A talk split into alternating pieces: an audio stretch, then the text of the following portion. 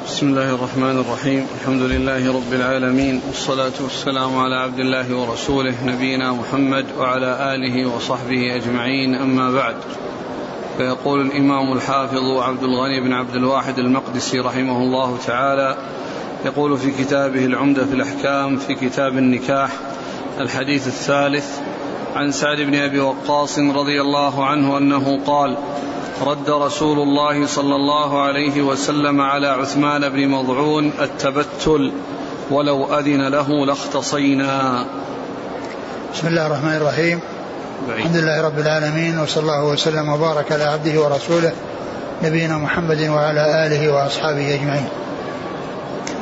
أما بعد فهذا الحديث عن سعد بن أبي وقاص رضي الله عنه أن النبي صلى الله عليه وسلم رد على عثمان بن مضعون التبعل قال ولو أذن له لاختصينا. آه، عثمان بن عفان آه، عثمان بن مضعون رضي الله عنه طلب من النبي صلى الله عليه وسلم أن يأذن له في الانقطاع للعبادة والاشتغال بها واعتزال النساء فلم يأذن له رسول الله صلى الله عليه وسلم. وهذا يدل على حرص الصحابة رضي الله عنهم على الخير وعلى الأعمال الصالحة وعلى اشتغالهم بالعبادة وتفرغهم لطاعة الله وطاعة رسوله عليه الصلاة والسلام. فكانوا سباقين إلى كل خير وحريصين على كل خير رضي الله عنهم وأرضاهم. فلم يأذن له الرسول صلى الله عليه وسلم وذلك ليجمع بين العبادة والراحة. وكذلك أيضا آه آه، يجمع بين عبادة الله عز وجل وبين آه، أخذ شيء من من الراحة والأنس مع الاستمتاع بالأهل دون أن يكون هذا شاغلا عن هذا أو هذا شاغلا عن هذا وإنما يأتي بهذا ويأتي بهذا. وهذا هو الذي كان آه، يفعله رسول الله عليه الصلاة والسلام فإنه كان يصلي وينام ويصوم ويفطر ويتزوج النساء ولم ينقطع يعني عن النساء للعبادة. وكذلك لم يكن منقطعا لقيام الليل ولم يكن كذلك منقطعا لصيام النهار وإنما كان يجمع بين هذا وهذا وهو القدوة والأسوة صلوات الله وسلامه وبركاته عليه. لكن الحديث هذا الحديث والحديث الذي قبله يعني في قصة الثلاثة الذين مر ذكرهم في الحديث السابق يدل على ما كان عليه أصحاب الرسول عليه الصلاة والسلام من الحرص على الخير والمسابقة إليه والاجتهاد في العبادة ولكن النبي صلى الله عليه وسلم أرشدهم إلى أن يعملوا بالأعمال التي لا تلحق بهم ضررا ولا يلحقهم بها مشقة ولا يعني يحصل لهم تأثر بذلك فيوفقون بين ما تشتهيه نفوسهم آه، ويوفقون وما يتقربون به إلى الله عز وجل إلى ربهم يتقربون به إلى ربهم سبحانه وتعالى. ثم يقول سعد بن أبي وقاص ولو أذن له لاختصينا. يعني لتابعناه. ويعني واختصينا يعني آه، صرنا يعني في انقطاع العبادة مثل من يكون قطعت خصيتاه أو رضت خصيتاه بحيث لا يكون له شهوة في النساء. بحيث لا يكون له شهوة في النساء. فهذا الحديث آه، اشتمل على بيان ما كان عليه آه، عبد الله آه، بن عثمان بن وإجابة النبي صلى الله عليه وسلم إياه بعدم تحقيق الشيء الذي رغبه والذي طلب منه أن يأذن له فيه. وكذلك أصحاب الرسول صلى الله عليه وسلم كانوا على هذا المنوال لو أذن لهم ولكنهم يستسلمون وينقادون لما يأتي عن الله وعن رسوله عليه الصلاة والسلام. ولا شك أن كل ما جاءت به كتاب الله عز وجل وسنة رسوله عليه الصلاة والسلام من التوجيهات والأوامر والنواهي في الأخذ به والعمل بما فيه لا شك أن فيه الخير وفيه المصلحة وفيه سعادة الدنيا وسعادة الآخرة. نعم. وعن أم حبيبة بنت أبي سفيان رضي الله عنهما انه أنها قالت يا رسول الله أنكح أختي ابنة أبي سفيان. فقال أو تحبين ذلك؟ فقالت فقلت نعم لست لك بمخلية وأحب من شاركني في خير أختي. فقال النبي صلى الله عليه وسلم إن ذلك لا يحل لي. قالت فإنا نحدث أنك تريد أن, أن تنكح بنت أبي سلمة. قال بنت أم سلمة؟ قلت نعم. قال إنها لو لم تكن ربيبتي في حجري ما حلت لي. إنها لابنة أخي من الرضاعة. أرضعتني وأبا سلمة ثويبة فلا تعرضن علي بناتكن ولا أخواتكن. قال عروة وثويبة مولاة لأبي لهب. كان أبو لهب أعتقها فأرضعت النبي صلى الله عليه وسلم. فلما مات أبو لهب أريه بعض أهله بشر حيبة. قال له ماذا لقيت؟ قال له أبو لهب لم ألق بعدكم خيرا غير أني سقيت في هذه بعتاقة ثويبة الحيبة الحالة بكسر الحاء. ثم ذكر هذا الحديث عن أم حبيبة أم المؤمنين. رملة بنت أبي سفيان رضي الله تعالى عنهما. وهذا الحديث فيه أنها عرضت على الرسول عليه الصلاة والسلام أختها بأن يتزوج أختها. فعرضت عليه أن يتزوج أختها. فالرسول عليه الصلاة والسلام لما عرضت عليه وكان من عادة النساء أنهن لا يرضين بالضرات ولا يرضين بأن يتزوج عليهن. قال أو, أو تحبين ذلك؟ يعني تحبين أن أنه يعني يتزوج عليها ويكون آه يعني آه فيه مشاركة لها كما يعني حصلت المشاركة لها من غيرها. فقالت لست لك بمخلية وأحب من شاركني في خير أختي. يعني ما دمت أنا لست بمنفردة بك. وإنما يعني آه، آه، عندها يعني عند الرسول صلى الله عليه وسلم زوجات أخر يشاركنا يعني آه، أم حبيبة. ف فإنها أرادت أن تكون أختها من جملة من يشارك. عللت ذلك بأنها لست ليست له بمخلية يعني ليست بمنفردة به. يعني ليس له زي يعني معناه أنه ليس هي الزوجة الوحيدة التي عند النبي صلى الله عليه وسلم حتى لا ترغب أن يشاركها أحد. بل هي مشاركة بالفعل. ولكنها مع كونها مشاركة تحب أن يكون ممن شاركها أختها. وذلك لما في مشاركة المشاركة في الزواج من النبي صلى الله عليه وسلم زواج النبي صلى الله عليه وسلم بها شرف وفضل ونبل فهي تريد أن يكون هذا الخير الذي حصل لها ولغيرها من أمهات المؤمنين يكون أيضا لأختها. يكون أيضا لأختها وهذا من صلة الرحم ومن محبة الخير للأقارب يعني والإحسان إليهم. فالرسول عليه الصلاة والسلام لما أخبرته بالواقع وأنها آه، لما كان مشاركا أو لو كان مشاركا غيرها لها في الرسول عليه الصلاة والسلام وأنها تريد أن تكون أختها من جملة هؤلاء اللاتي هن زوجات الرسول صلى الله عليه وسلم. قال قال إيش قال؟ قال لا قال إن ذلك لا يحل لي. قالت فإنا نحدث. قالت إن ذلك لا يحل لي. يعني لا يحل لي أن أن أن أن, أن, أن أتزوج يعني أختك لأنها لأنه لا يجمع بين المرأة لا يجمع بين الأختين القرآن جاء بأنه لا يجمع بين الأختين والسنة جاءت في عدم الجمع بين الأختين فقال إن ذلك لا يحل لي. فقالت إن نحدث بأنك أنك تريد أن تنكح آه، ابنة أبي سلمة.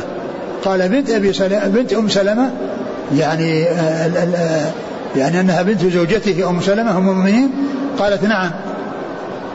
وهذا يدل على أن أنها قد تحصل إشاعات والشيء الذي لا أصل له لأن هذا الذي قد حصل من هذا التحدث أو كونهم يتحدثون أن هذا لا أصل له.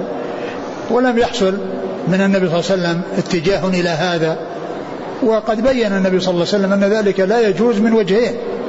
يعني أن آه، بنت آه، أبي سلمة بنت أم سلمة لا تحل له من, من, من وجهين. فإذا هذا من الإشاعات التي تحصل وليس لها أساس.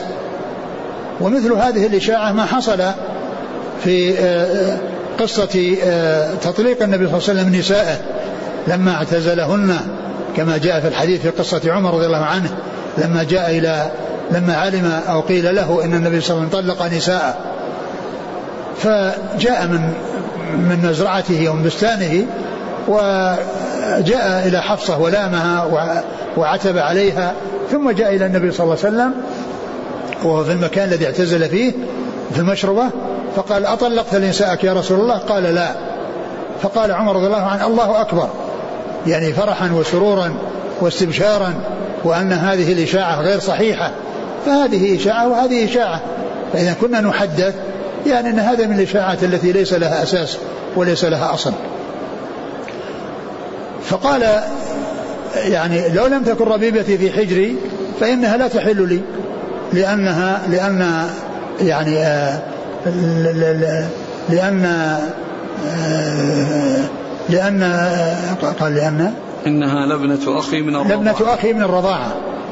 لبنة أخي من الرضاعة. يعني هناك مانعان مانع كونها ربيبة ومانع كونها ابنة أخ من الرضاعة. وكل واحد منهما بمفرده يقتضي عدم الزواج وعدم الإقدام على على ذلك. فقد اجتمع فيها شيئان. أشار إلى أحدهما بقوله لو لم تكن ربيبتي يعني حتى لو أن هذا غير موجود فإن كونها آه، ابنة أخي من الرضاعة يعني يدل أو يقتضي عدم الزواج منها.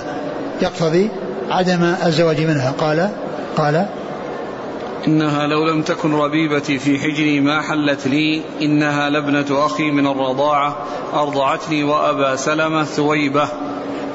فلا تعرضن علي بناتكن ولا أخواتكن. يعني أخبر بأن أبا سلمة آآ آه، آآ آه، كان رضع مع النبي صلى الله عليه وسلم وأرضعتهما ثويبة وهي مولاة لأبي آه، لأبي لهب أبي لهب نعم. مولاة ل... نعم. نعم. مولاة لأبي لهب أعتقها فأرضعت الاثنين. أرضعت الاثنين. فصار أخوين من الرضاع والتي أرضعتهم أرضعتهما ليست من أمهاتهما فهي أجنبية. وهذا يدل على أن الرضاع أو الأخوة من الرضاع تثبت بحصول سواء كان من من أم أحدهما أو من امرأة ثالثة آه، رضع كل منهما. منها خمس رضعات فصار بذلك يعني آه، آه، إخوان من الرضاعة بسبب يعني هذا الاشتراك بهذه بهذه المرأة المرضعة وإن لم تكن أما لهذا أو لهذا. فقال إن ثويبة أرضعته وأبا سلمة فكانت آه هذه التي هي ابنة أبي سلمة ابنة أخيه من الرضاع وابنه الأخ من الرضاع لا تحل لا تحل لأن لأنها من جملة المحرمات من الرضاع. ثم إن النبي عليه الصلاة والسلام أرشدهن قال لا تعرضن علي أخواتكن ولا بناتكن.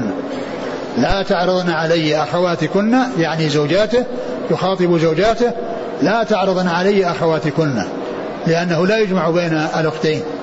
ولا بناتكن يعني أخواتكن هذا يرجع إلى ما يتعلق بأم حبيبة.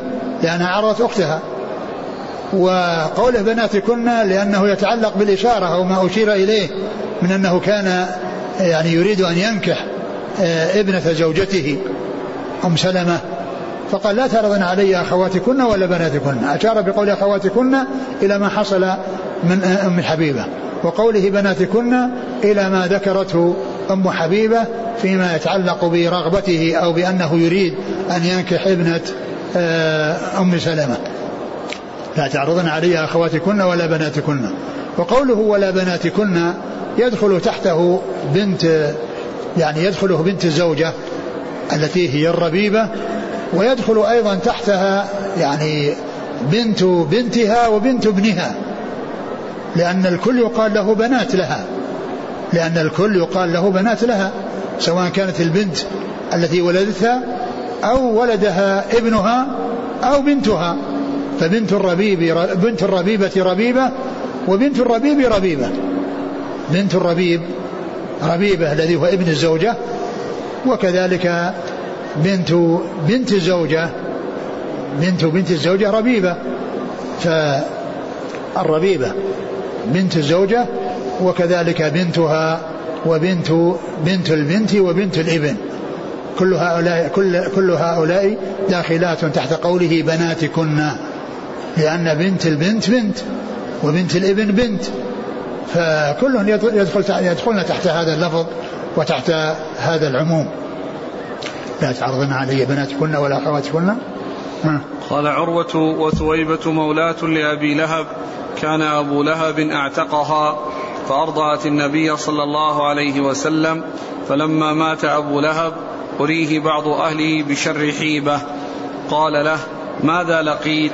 قال له أبو لهب لم ألق بعدكم خيرا غير أني سقيت في هذه بعتاقتي ثويبة.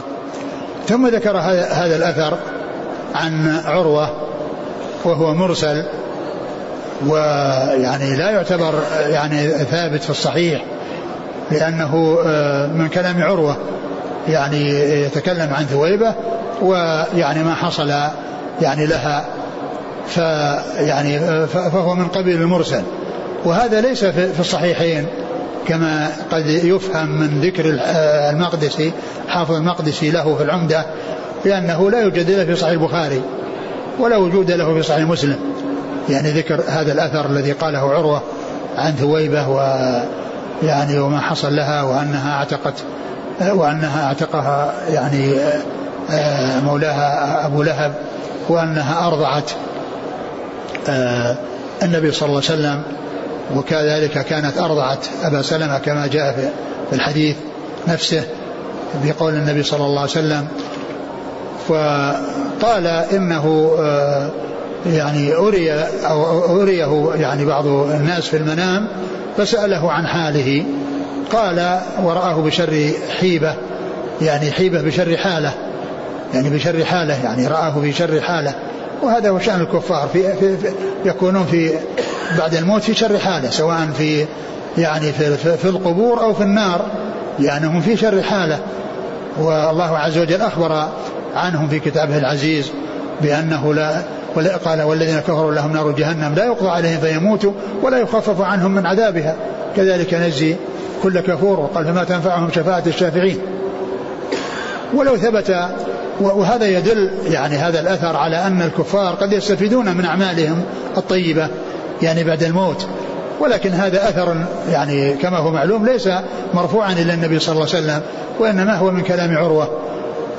و ولو ثبت فإنه يكون مثل ما حصل لأبي, لأبي طالب من كون النبي صلى الله عليه وسلم يعني شفع له وخفف عنه العذاب فصار في ضحضاح من نار يعني عليه نعلان من نار يغلي منهما دماغه.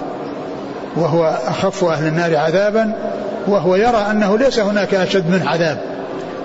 يعني يرى أنه ليس هناك أشد منه عذاب لأنه عليه نعلان من نار يغلي منهما دماغه. النعلان في أسفله ودماغه في أعلاه ومع ذلك هذا الأعلى يغلي من شدة حرارة ذلك الذي في أسفله. فيعني فهو عذاب شديد.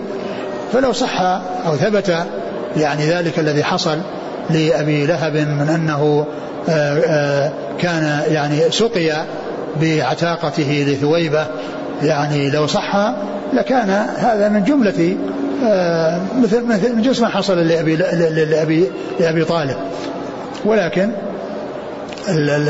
هذا لم يثبت لأنه من قبيل المرسل الذي هو قصة أو كلام عروة ابن الزبير. اقرأ قال عروة. وثويبة مولاة لأبي لهب. كان أبو لهب أعتقها فأرضعت النبي صلى الله عليه وسلم فلما مات أبو لهب أريه بعض أهله بشر حيبة. قال له ماذا لقيت؟ قال قال له أبو لهب لم ألق بعدكم خيرا غير أني سقيت في هذه بعتاقتي ثويبة سقيت في هذه يعني في يعني في هذه يعني يشير إلى إبهامه أو ما بين إصبعه سبابته وإبهامه أنه آه، سقي بسبب عتاقته لثويبة بسبب عتاقته لثويبة التي أرضعت النبي صلى الله عليه وسلم. ولكن كما قلت أن هذا لم يثبت ولو ثبت لكان مثل قصة مثل ما حصل لأبي طالب من تخفيف العذاب عنه. نعم.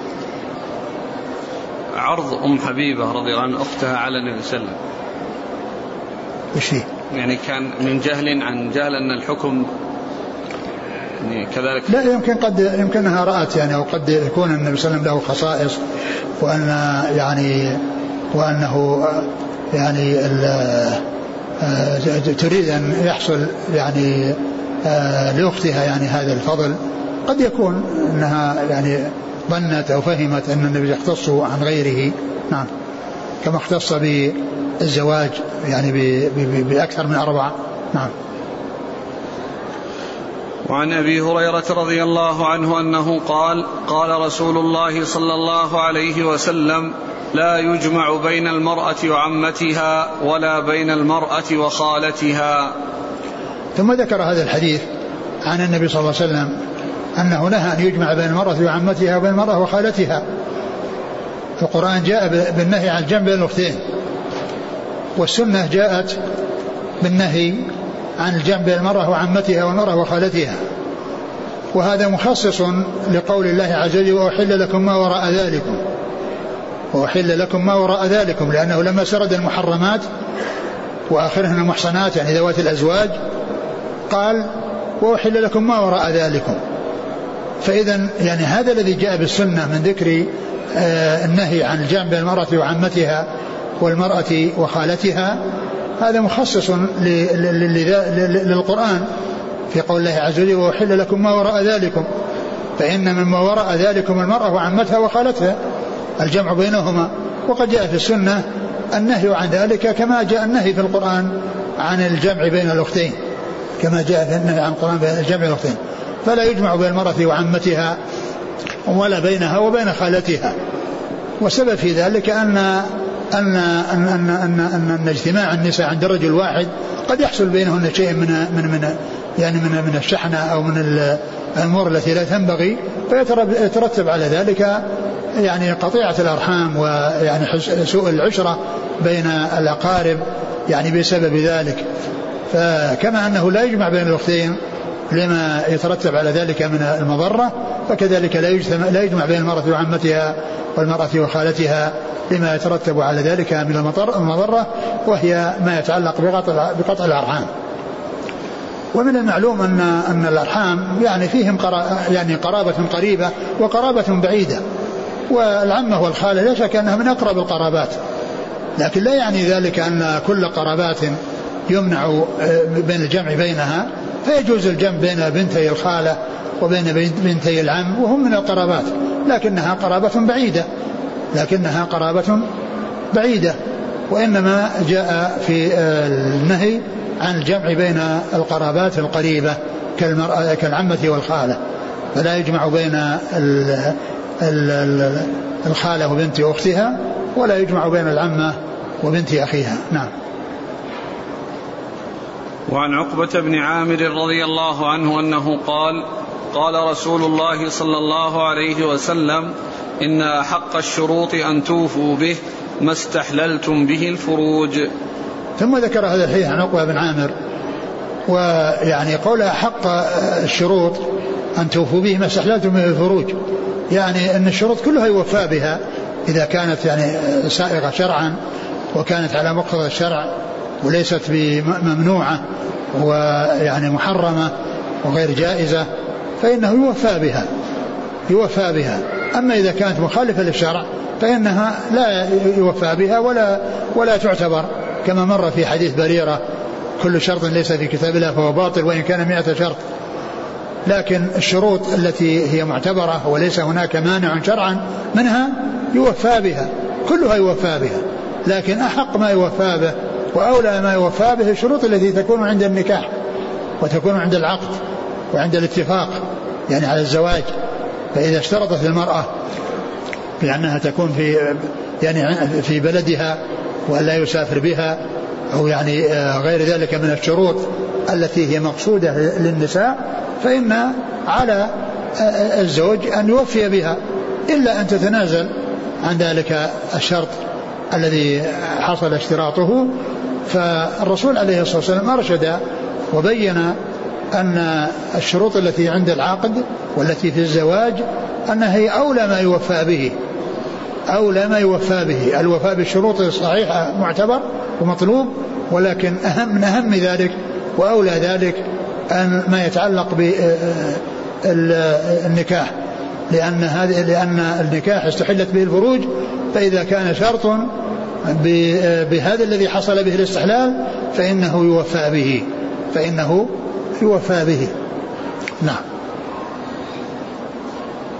وعن ابن عمر رضي الله عنهما أن رسول الله صلى الله عليه وسلم نهى عن الشغار والشغار أن يزوج الرجل ابنته على أن يزوجه ابنته وليس بينهما صداق. ثم ذكر يعني هذا الحديث وهو النهي عن الشغار. والشغار هو أن يكون الزواج مشروط بزواج يعني لا أزوجك بنتي حتى تزوجني بنتك. يعني أو, أو كون يعني هذا يشترط يعني هذا يتزوج من هذا يعني زواج مشروط بزواج. يعني فهذا يعني فيه محذور وهو أن المرأة قد يعني لا يهتم بها ولا يلتفت إلى مصلحتها وإنما يلتفت وليها إلى مصلحته هو. فيعني يمنع من زواجها إلا إذا حصل له في مقابلها زوجة. فيشترط أن يتزوج على أن يزوج يزوج غيره ويتزوج من غيره. و وهذا بلا شك إذا كان ليس بينهما شرط وأن كل واحدة يعني آه، مهرها آه، أختها أو المرأة الثانية التي تقابلها هذا لا شك هذا أمر في غاية الوضوح. وأما إذا كان هناك آه، صداق يعني لهذه أو لهذا فأجاز ذلك. يعني يعني كثير من أهل العلم وبعضهم منع حتى ولو كان هناك يعني صداق بينهما. لأنه قد يكون هناك تغاضي عن الصداق لأن هذا سيزوج هذا ويزوج هذا فيغض له من الزواج من أجل من من الصداق كما يغض له الثاني من الصداق مقابل مصلحة بمصلحة. وفائدة فيكون ال ال كل واحدة حصلت على شيء قليل يعني بسبب رغبة ولي كل منهما أن يستفيد من الآخر يستفيد من الآخر. فيكون في ذلك محذور. وكذلك أيضا قد يكون يعني فيه من غير يعني قضية الصداق وقلته وعدم كثرته وأنه أن لا تعطى ما تستحقه أمثالها قد يكون أيضا يترتب على ذلك أن أن أن الشخص الذي آه، أو أحدهما يعني ليس كفءا أو يعني آه، يعني مثله لا يصلح أن يزوج فيكون ذلك على حساب استفادة وليها وحصول مضرتها وحصول مضرتها. فإذا كان هناك ليس هناك مهر بينهما فهذا أمره واضح ولا إشكال فيه ولا خلاف فيه. وأما إذا كان هناك صداق ففيه خلاف ولكن الاحتياط هو أن يكون الزواج ليس مشروطا بهذا. أما إذا كان هذا خطب وهذا خطب وكل واحد خطب ووافق وليس فيه اشتراط بينهما وكل واحد حصلت ما تستحقه من المهر فهذا لا بأس به. نعم. وعن علي بن أبي طالب رضي الله عنه أن النبي صلى الله عليه وعلى آله وسلم نهى عن نكاح المتعة يوم خيبر وعن لحوم الحمر الأهلية. ثم ذكر حديث علي رضي الله عنه. وهو أن النبي صلى الله عليه وسلم نهى عن نكاح المتعة يوم خيبر. ونكاح المتعة هي الزواج المؤقت بمعنى أنه يعقد عليها لمدة شهر. فإذا خرج الشهر انتهى الزواج لأنه زواج مؤقت. وهذا كان سائغا في أول الأمر ثم نسخ. وبقي تحريمه مؤبدا لأن المقصود بالزواج هو الاستمرار والدوام وعدم آه، توقيته بمدة ينتهي عندها لأن المتعة التي متعة النساء وهي الزواج المؤقت يتزوجها لمدة شهر فإذا انتهى آخر الشهر خلاص خرجت انتهى انتهى العقد وانتهى مفعوله. والزواج إنما هو على التأبيد إنما هو للتأبيد ليس للتأقيت. الرسول صلى الله عليه وسلم نهى يقول عليه رضي الله عنه نهى الرسول صلى الله عليه وسلم عن متعة النساء. وعن وعن الحمر الأهلية يوم خيبر يعني حرم هذا وحرم هذا. فالحمر الأهلية يعني كانت حلالا ثم إنها حرمت يعني في ذلك العام ومتعة النساء كانت حلالا ثم حرمت في ذلك العام. وجاء ما يدل على أنها يعني كانت أنها حرمت عام حجة الوداع عام حجة الوداع عام آه، فتح مكة عام الفتح. فقيل إن إنه أكد تحريمها وقيل إن أنها أحلت يعني بعد ذلك ثم آه، أبيحت فتكون يعني آه، أحلت يعني كانت حلالا مرتين وحرمت مرتين. ولكنه عام الفتح يعني حصل التحريم المؤبد المستمر إلى إلى إلى إلى, إلى يوم القيامة. بحيث لا تحل هذه لا يحل هذا النكاح ولا يجوز هذا النكاح لأنه كان سائغا في أول أمر الحاجة إليه والضرورة ثم إنه نسخ وبقي الحكم مؤبدا. لا يجوز الزواج يعني على هذه الهيئة وعلى هذه الصفة وإنما يكون الزواج للتأبيد ولا ينتهي إلا بطلاق أو بموت أو بفسخ بفسخ أو بموت. نعم. الراوي الحديث علي بن أبي طالب. وهذا يبين يعني أن أن أن الذين أو الرافضة الذين يعتمدون أو يقولون بهذا أن عليا نفسه رضي الله عنه هو الذي يروي هذا. أن علي رضي الله عنه هو الذي يروي هذا عن رسول الله عليه الصلاة والسلام. نعم. يقول الأخ هل ثبت أن ابن عباس لم يحرم زواج المتعة حتى مات؟ لا هو ثبت رجوعه. ثبت رجوعه. نعم. وعن أبي هريرة رضي الله عنه أن رسول الله صلى الله عليه وسلم قال لا تنكح الأيم حتى تستأمر ولا تنكح البكر حتى تستأذن قالوا يا رسول الله كيف إذنها؟ قال أن تسكت ثم ذكر هذا الحديث في البكر والثيب وأن الثيب تستأذن وتستأمر يعني يطلب منها الأمر والموافقة والتصريح بموافقتها. وأما البكر فإنها تستأذن تستأذن ولا يلزم أن تنطق كما تنطق الثيب وإنما يكفي أن تسكت. يكفي أن تسكت لأن الثيبة سبق لها تجربة سبق لها زواج وصار عندها يعني آه، ما ليس عند البكر أما البكر عندها الحياة. ولم يسبق لها زواج فيكون آه، عندها خجل وعندها حياء من أن تتكلم يعني في هذا الأمر. فجاءت السنة في التفريق بين البكر والثيب بأن الثيبة تستأمر يعني يطلب منها أن تأمر يطلب أمرها بأن تقول أني موافقة وأن تصرح بذلك. وأما البكر فإنها تستأذن فإن أذنت وتكلمت فذاك وإلا فإذا حصل منها السكوت فإنها يعتبر إذنا لها أو إذنا منها. وأما إذا امتنعت وأبدت عدم الموافقة فإنها يعتبر يعني امتناعها ولا تزوج بمن لا يعني بمن لا ترتضيه. نعم. وعن عائشة رضي الله عنها أنها قالت جاءت امرأة رفاعة القرظي إلى النبي صلى الله عليه وسلم فقالت كنت عند رفاعة القرظي فطلقني فبت طلاقي فتزوجت بعده عبد الرحمن بن الزبير وإنما معه مثل هدبة الثوب. فتبسم رسول الله صلى الله عليه وسلم وقال أتريدين أن ترجعي إلى رفاعة؟ لا حتى تذوقي عسيلته. ويذوق عسيلتك. قالت وأبو بكر عنده وخالد بن سعيد بالباب ينتظر أن يؤذن له. فنادى يا أبا بكر ألا تسمع هذه ما تجهر به عند رسول الله صلى الله عليه وسلم؟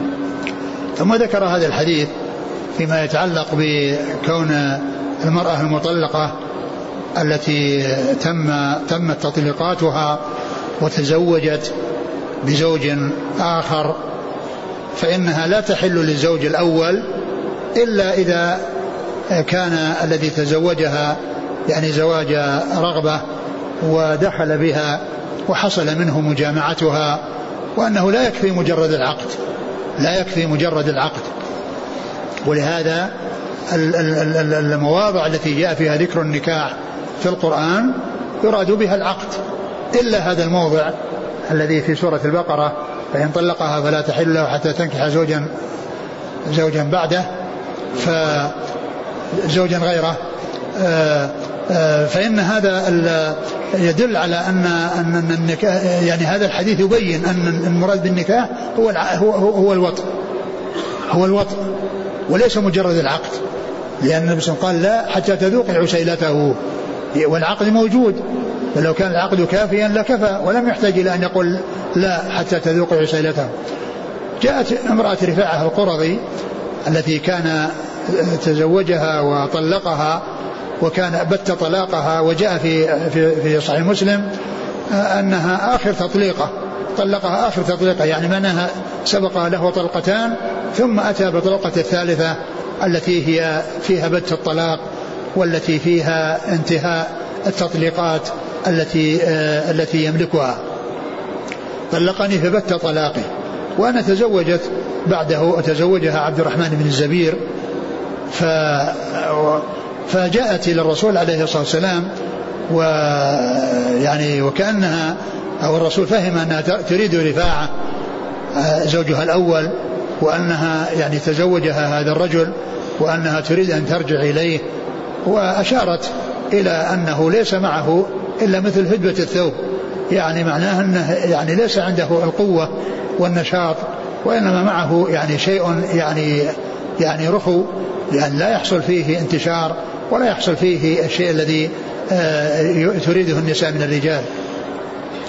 فالرسول صلى الله عليه وسلم تبسم يعني لكونها قالت هذا الكلام الذي يعني يستحيا منه ولكنها جهرت به ويعني نطقت به فالرسول صلى الله عليه وسلم تبسم وقال أتريدين أن ترجعي إلى رفاعة؟ يعني بمجرد العقد وكون ما حصل منه أن استمتع بك. لا حتى تذوقي عسيلته ويذوق عسيلتك. لا حتى تذوقي عسيلته ويذوق عسيلتك.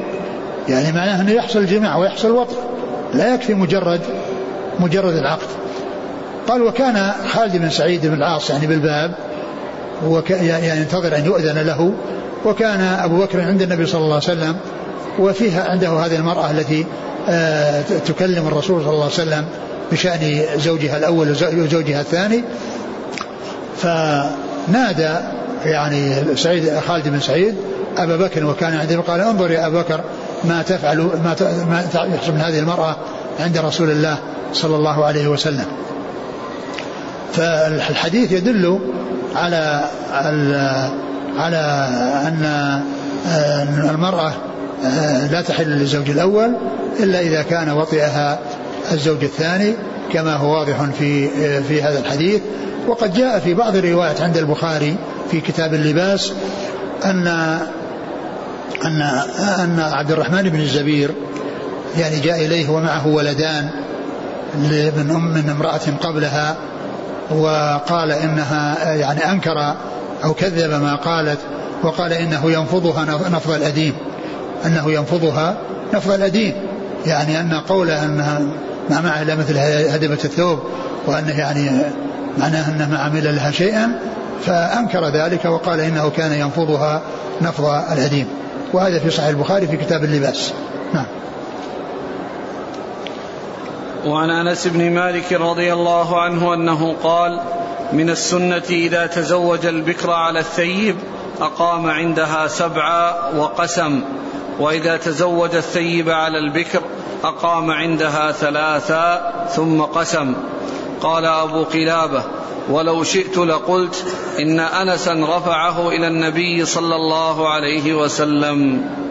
هذا الحديث فيه أن الإنسان إذا كان عنده زوجة ثم يعني تزوج يعني بكرا أو ثيبا على زوجته أو على زوجاته التي في عصمته فإن فإن هناك فرقا بين البكر والثيب. البكر يقيم عندها سبعا ثم ثم يقسم يعود إلى القسمة بين نسائه بينها وبين نسائه وإذا كانت التي تزوجها ثيبا فإنه يقيم عندها ثلاثا ثم يقسم ثم يقسم. وهذا التفريق بين البكر والثيب لأن البكر يعني حديثة عهد بالزواج لأول مرة يعني هذا زواج لأول مرة فتحتاج إلى طول المدة إلى الأسبوع كاملا لإيناسها ول يعني إدخال السرور عليها ويعني حصول الراحة والطمأنينة لها يعني فلا يمكث ثلاثا ثم كما يحصل بالنسبة للثيب وإنما يمكث عندها سبعا لحاجتها إلى ذلك ولأن هذا شيء جديد عليها فكونها تستأنس بزوجها ويبقى معها زوجها هذه المدة ثم يقسم وهذا بخلاف الثيب فإن الثيب سبق أن جربت وسبق أن حصل لها الزواج وحصل لها الاستمتاع بالرجل يعني قبل هذا الزواج فكان المكث عندها قليلا. لا تحتاج إلى ما تحتاج إليه البكر. قال يعني هنا قال قال من الصحابي؟ أنس. أنس. قال من السنة أنه إذا تزوج البكرة أنه يقيم عندها يعني على زوج البكرة على على الثيب. على الثيب. يعني فإنه يقيم عندها سبعا. وإذا تزوج الثيب يعني على يعني على الثيب على البكر. على البكر فإنه يقيم عندها ثلاثا. أنه يقيم عندها يعني ثلاثا. لأن لأن ال ال ال كما هو واضح في الفرق بينهما. نعم. قال أبو قلابة ولو شئت لقلت إن أنسا رفعه إلى النبي صلى الله عليه وسلم. الذي جاء في أول الحديث قال من السنة. يعني قال أنس من السنة. والصحابي إذا قال من السنة يعني من سنة الرسول صلى الله عليه وسلم. فهذا يقال له مرفوع حكما. وأما إذا قال قال رسول الله صلى الله عليه وسلم كذا أو سمعت رسول الله صلى الله عليه وسلم كذا أو عن رسول الله صلى الله عليه وسلم قال كذا هذا يقال له مرفوعا تصريحا. مرفوعا تصريحا وهذا مرفوع حكما. لأنه وإن لم يقل قال رسول الله صلى الله عليه وسلم فهو مثل قال رسول الله. لأن حكمه حكمه. لأن الصحابي إذا قال من السنة يعني بذلك سنة الرسول صلى الله عليه وسلم. فيعبر بهذه العبارة بدل أن يقول قال رسول الله صلى الله عليه وسلم يقول من السنة كذا. فإذا قال الصحابي من السنة كذا فله حكم الرفع. هو مرفوع حكما وهو مثل المرفوع تصريحا. لهذا قال يعني أبو قلابة يعني لو شئت لقلت إن أنسا قال رسول الله صلى الله عليه وسلم كذا. لو شئت لقلت يعني معناها أن من السنة مثل قال قال رسول الله. لو شئت لقلت ذلك يعني لأن هذا هو مثل هذا لا فرق بينهما.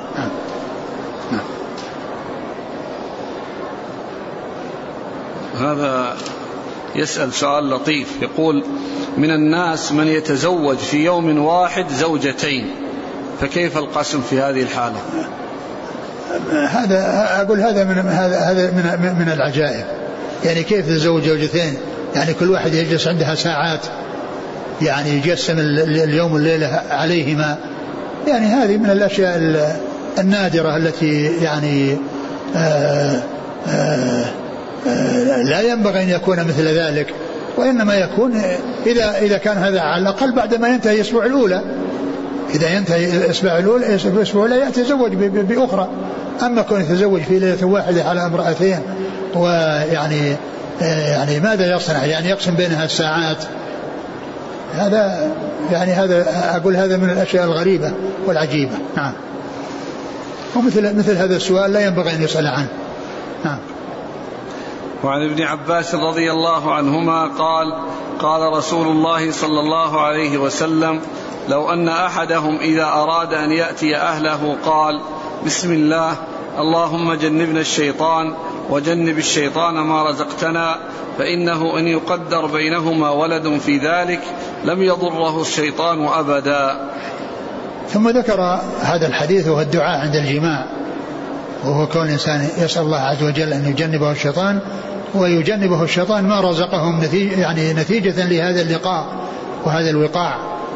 يعني يجنبهم الشيطان يعني في جماعهم ويجنبهم الشيطان فيما نتج وحصل من هذا اللقاء وهو الجماع. إذا نتج من ذلك ولد وقدر بينهما ولد فإن ذلك يفيدهم في سلامتهم من الشيطان وسلامة ولدهم من الشيطان. وسلامة ولدهم من الشيطان. يعني أن هذا الدعاء يستفيد منه الزوجان بحيث يعني يبتعد عنهم الشيطان في في وقاعهما وكذلك أيضا يسلم منه ولدهما. قال لو أن أحدكم إذا أراد أن يوقع أهله قال يعني وهذا إذا أراد يعني عندما عندما يريد عندما يريد يعني يقول يأتي بهذا الدعاء. عندما يريد الجماع يأتي بهذا الدعاء قبله عنده يعني قبيل أن يحصل منه ذلك يدعو بهذا الدعاء. اللهم جنبنا الشيطان وجنب الشيطان ما رزقتنا. قال فإنه يقدر بينهما ولد إن يقدر بينهما ولد يعني في هذا اللقاء وهذا الجماع الذي دعي فيها بهذا الدعاء لم يضره الشيطان أبدا. لا يضره الشيطان أبدا. ومعلوم أن هذا يعني من أسباب السلامة من الشيطان أسباب السلامة من الشيطان.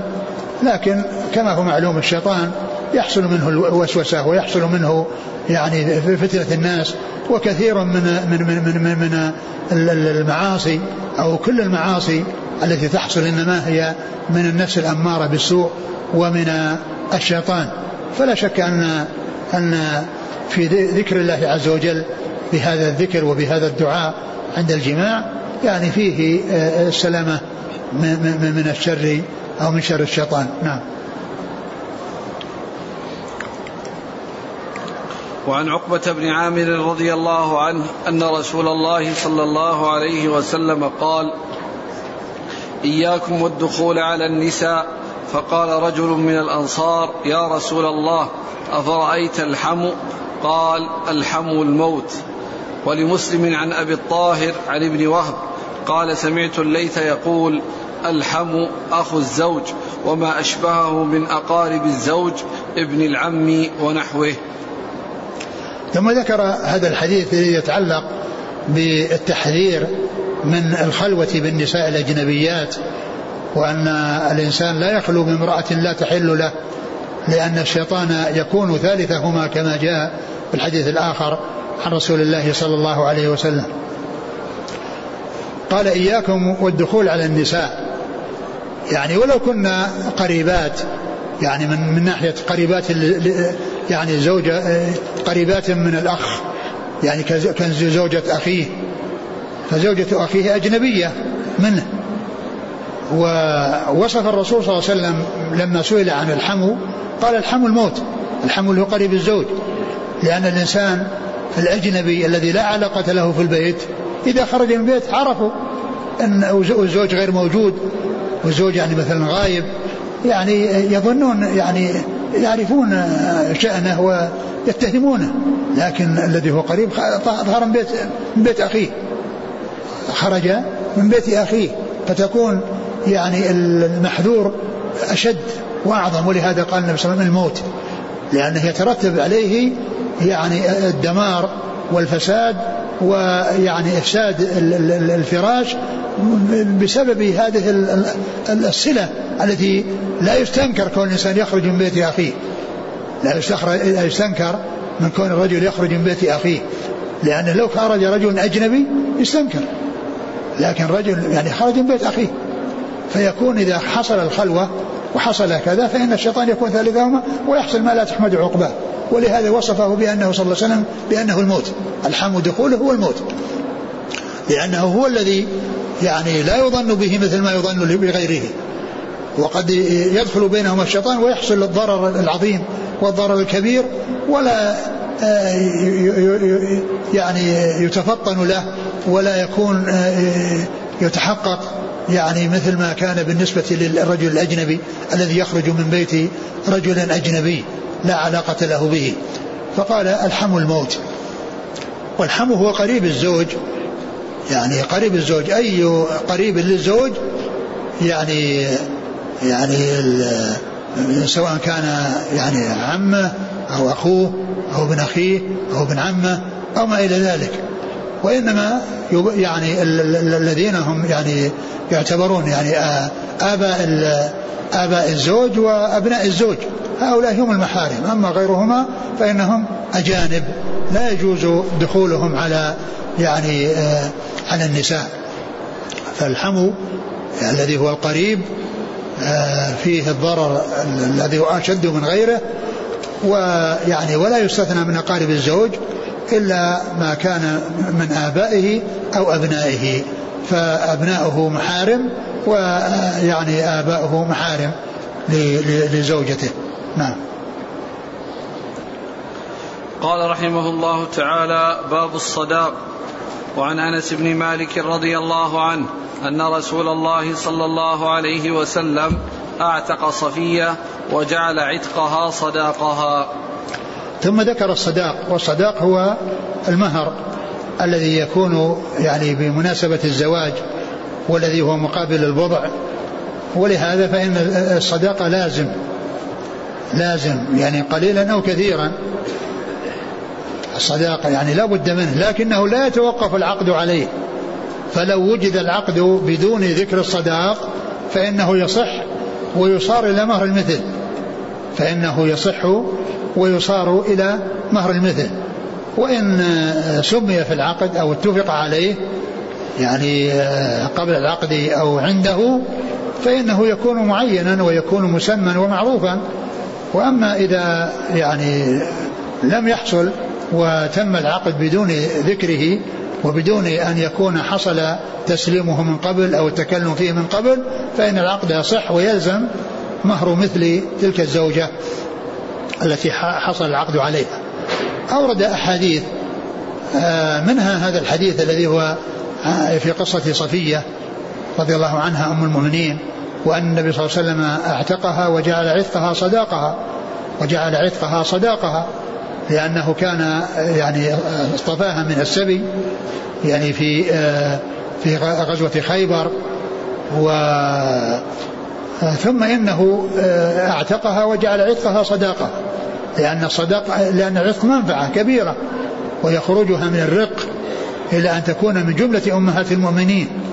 تعامل ما تعامل فيه أمهات المؤمنين يحصل لها القسم ويحصل لها النفقة ويحصل لها ما, ما تساوي به أمهات المؤمنين زوجاته التي كن في عصمته من قبل أن تأتي ففرق بين معاملة السرية ومعاملة الزوجة. فهو أخرجها من كونها أمة إلى كونها زوجة. وهذا وهذه النعمة التي حصلت لها بكونه اعتقها جعل عتقها صداقها. جعل عتقها صداقها. هو المنفعة التي حصلت. وهذا هذا حصل لرسول الله عليه الصلاة والسلام. بعض أهل العلم قال إن هذا حكم يعني يكون له ولغيره وأنه يجوز للإنسان أن يعتق أمته ويجعل عتقها صداقها. وبعض أهل العلم قال إن هذا خاص بالرسول صلى الله عليه وسلم وأن الإنسان إذا يعني كان عنده أمة واعتقها فإنه يتزوجها يعني أو يعني يدفع مهرا لها. ما يجعل عتقها صداقا لها. والأصل أن أن الأحكام هي عامة وشاملة إلا إذا جاء دليل يدل على التخصيص بالرسول صلى الله عليه وسلم. نعم. وعن سهل بن سعد الساعدي رضي الله عنهما أنه أن رسول الله صلى الله عليه وسلم جاءته امرأة فقالت إني وهبت نفسي لك فقامت طويلا فقال رجل يا رسول الله زوجنيها إن لم يكن لك بها حاجة. فقال هل عندك من شيء تصدقها؟ فقال ما عندي إلا إزاري هذا. فقال رسول الله صلى الله عليه وسلم إزارك إن أعطيتها جلست جلست ولا إزار لك فالتمس شيئا. قال ما أجد. قال فالتمس ولو خاتما من حديد. فالتمس فلم يجد شيئا. فقال رسول الله صلى الله عليه وسلم زوجتكها بما معك من القرآن. ثم ذكر هذا الحديث في قصة المرأة الواهبة التي جاءت ووهبت نفسها للنبي صلى الله عليه وسلم وعرضت عليه نفسها. فالرسول صلى الله عليه وسلم نظر إليها ويعني بعد ذلك لم يجبها بشيء. فلما رأت أنه صلى الله عليه وسلم لم يجبها بشيء جلست. ثم إن رجلا و والرسول عليه الصلاة والسلام يعني ما كان أراد زواجها ما أراد الزواج منها ولعل ذلك يعني لعل من أسباب ذلك أنه لو استجاب لمثل هذا الطلب لكثرت عليه الطلبات لأن كل كل النساء يحرصن على أن يظفرن بشرف آه، آه، آه، زواج الرسول صلى الله عليه وسلم منهن. فيكون هذا الفعل الذي قد حصل من الرسول صلى الله عليه وسلم يجعل غيرهن لا يقدم يعني على مثل هذا العمل. والرسول عليه الصلاة والسلام كان يعني كان كريما وكان حليما وكان يعني لا يحب أن يعني يقابل من يطلب بشيء يعني لا يعجبه فلم يجبها بشيء ما قال إنه لا يريدها ولكنه سكت. فعدم زواجه منها وعدم تحقيق رغبتها إما أن تكون يعني إنه يعني ما أراد الزواج منها بنفسها أو أنه أراد ألا ينفتح مثل هذا الباب. يعني فكل واحدة تأتي وتقول مثل ما قالت ويتكرر ذلك. وهذا يكون مثل مثل ما جاء في قصة السبعين ألف الذين آه، آه، يدخلون الجنة بغير حساب ولا عذاب. فقام عكاشا محسن وقال ادعو الله يجعلني منهم وقال أنت منهم. فقام رجل آخر فقال الله يجعلني منهم وقال سبقك بها عكاشا سبقك بها عكاشا لأنه لو استرسل في هذا كل الموجودين وأنا وأنا وأنا إلى آخره. لكنه أجاب بهذا الجواب اللطيف وبهذا الجواب الجميل قال سبق لك سبقك بها عكاشة خلاص. لأن لأن هذا يجعل كل كل كل كل الموجودين لا يفكرون بمثل هذا الذي فكر به الثاني. ولا شك أنهم كلهم حريصين على الخير. كلهم حريصين على الخير. ويريدون الخير لأنفسهم ويريدون شفاعة النبي صلى الله عليه وسلم لهم ودعوته لهم ولكنه بكمال أخلاقه صلوات الله وسلامه وبركاته عليه سد الباب بهذا الجواب الذي هو هو أحسن جواب. قال سبقك بها عكاشة. فيكون يعني هذا لعل هذه المرأة خشي أيضا يعني إما أن يكون ما أرادها نفسها أو أنه أراد ألا ينفتح الباب وألا يأتي غيرها ممن يطمع بتحصيل هذا الشرف فيحصل يعني له يعني آه، جوابا أو يعني لا, لا يحصل ما يريد. قال إيش؟ الحديث قال؟ أعد الحديث. أن رسول الله صلى الله عليه وسلم جاءته امرأة فقالت إني وهبت نفسي لك. فقامت طويلا فقال رجل يا رسول الله زوجنيها إن لم يكن لك بها حاجة. وهذا الرجل يعني آه يعني لما رأى النبي صلى الله عليه وسلم سكت قال زوجني بها إن لم يكن لك بها حاجة. في هذا التعبير بقول إن لم يكن لك بها حاجة. يعني إذا كان له حاجة هذا هو الأصل لأنها عرضت نفسها عليه. لكن إن لم يكن له بها حاجة فإنه يطلب أن يزوجها إياه. يطلب أن يطلب منه أن يزوجها إياه.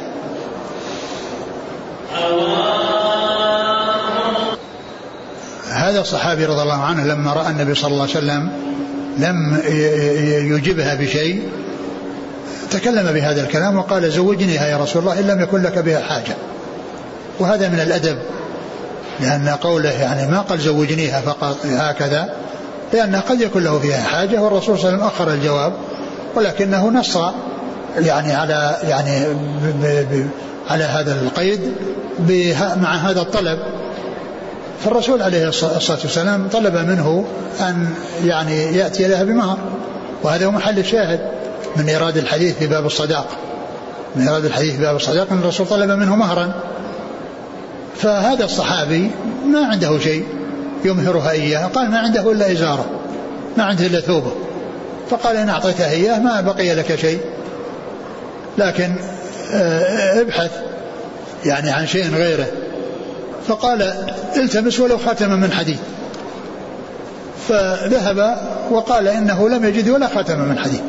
وهذا يدل على ما كان عليه أصحاب الرسول عليه الصلاة والسلام من من قلة اليد وعدم التوسع في الدنيا وأن أن أن, أن, أن عندهم يعني عدم التوسع في الدنيا وأنه يكون يأتي على الواحد منهم في بعض الأيام أنه لا يجد ولا هذا المقدار الذي هو خاتم من حديد الذي هو خاتم من حديد.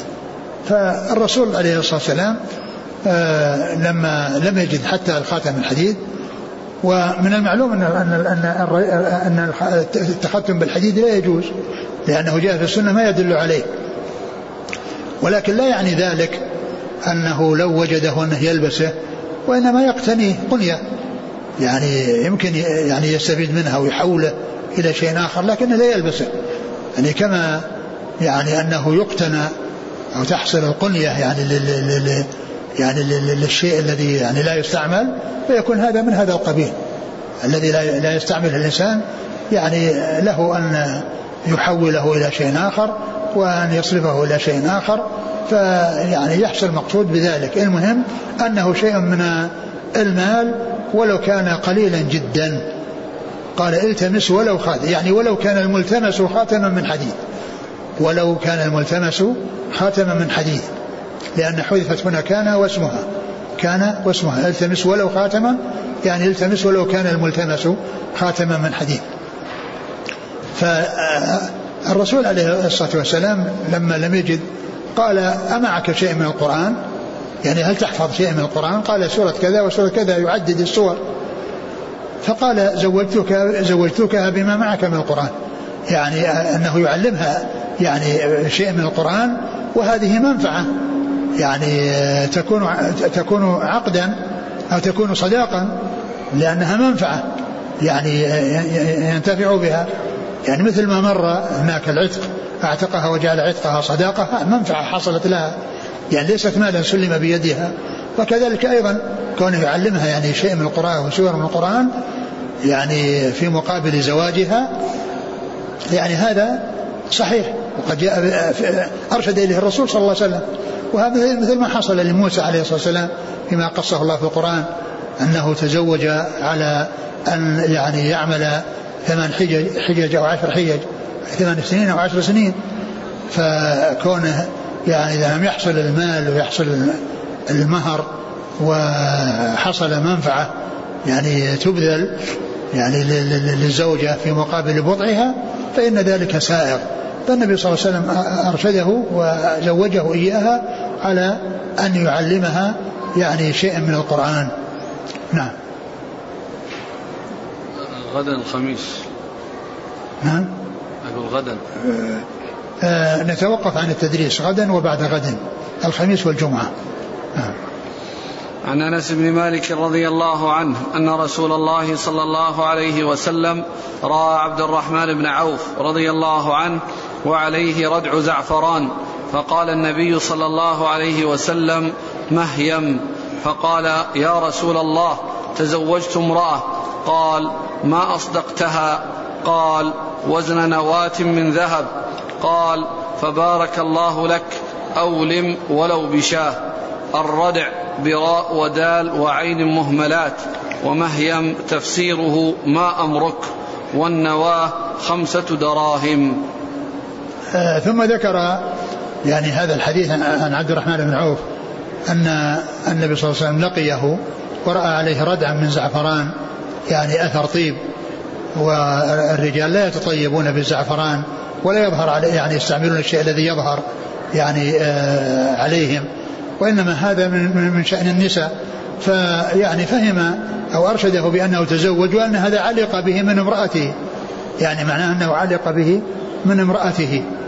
فالرسول صلى الله عليه وسلم لما لما يعني رآه يعني يعني رأى يعني هذا قال قال يعني ما هي؟ يعني إيش الذي حصل؟ أو ما الذي حصل لك؟ يعني فأرشده فبين رضي الله عنه أنه تزوج امرأة أنه تزوج امرأة. فقال ما أصدقتها؟ قال نواة من ذهب. يعني مقدار من الذهب يعادل خمسة دراهم أو يساوي خمسة دراهم. فهذا هو مقدار النواة نواة من ذهب. يعني معناه أنه شيء قليل أنه أنه صداق قليل.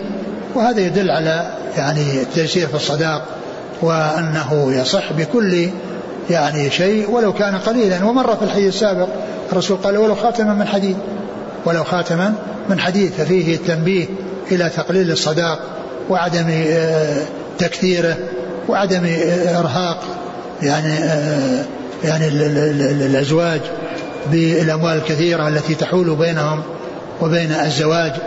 فتتعطل يتعطل الرجال وتتعطل النساء بسبب مغالاة في المهور والانتظار حتى يأتيهم من يأتون يكون عنده مهر كثير.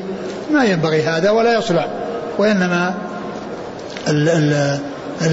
المبادرة إلى الزواج والحرص على الزواج هذا أمر مطلوب في الشرع لما يحصل فيه من من العفة والطهر والسلامة من الوقوع في الأمر المحرم. ولما يحصل أيضا فيه من النسل وما يحصل فيه من المكاثرة النبي صلى الله عليه وسلم في هذه الأمة الأمم كما جاء بذلك الحديث عن رسول الله صلى الله عليه وسلم.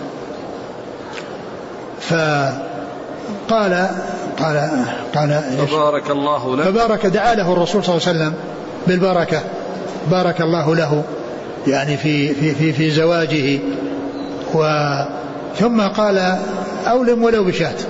يعني هذا يدل على أن الزواج يعني ينبغي أن يكون فيه وليمة ولو كانت قليلة كالشاة. يعني ولو كانت قليلة كالشاة فإن هذا من الأمور المستحبة ومن الأمور التي هي مطلوبة لأن فيها إعلان النكاح وفيها الدعاء من الآتين لحضور هذه الوليمة بالدعاء له كونهم يدعون له. ففي هذا بيان يعني أورده في كتاب باب الصداق من أجل ذكر النواة من الذهب وأرشد عليه الصلاة والسلام إلى استحباب الوليمة لمن يستطيعها ولمن يقدر عليها ولو كانت بشاة واحدة. نعم. والله تعالى أعلم وصلى الله وسلم وبارك على عبده ورسوله نبينا محمد وعلى آله وأصحابه أجمعين.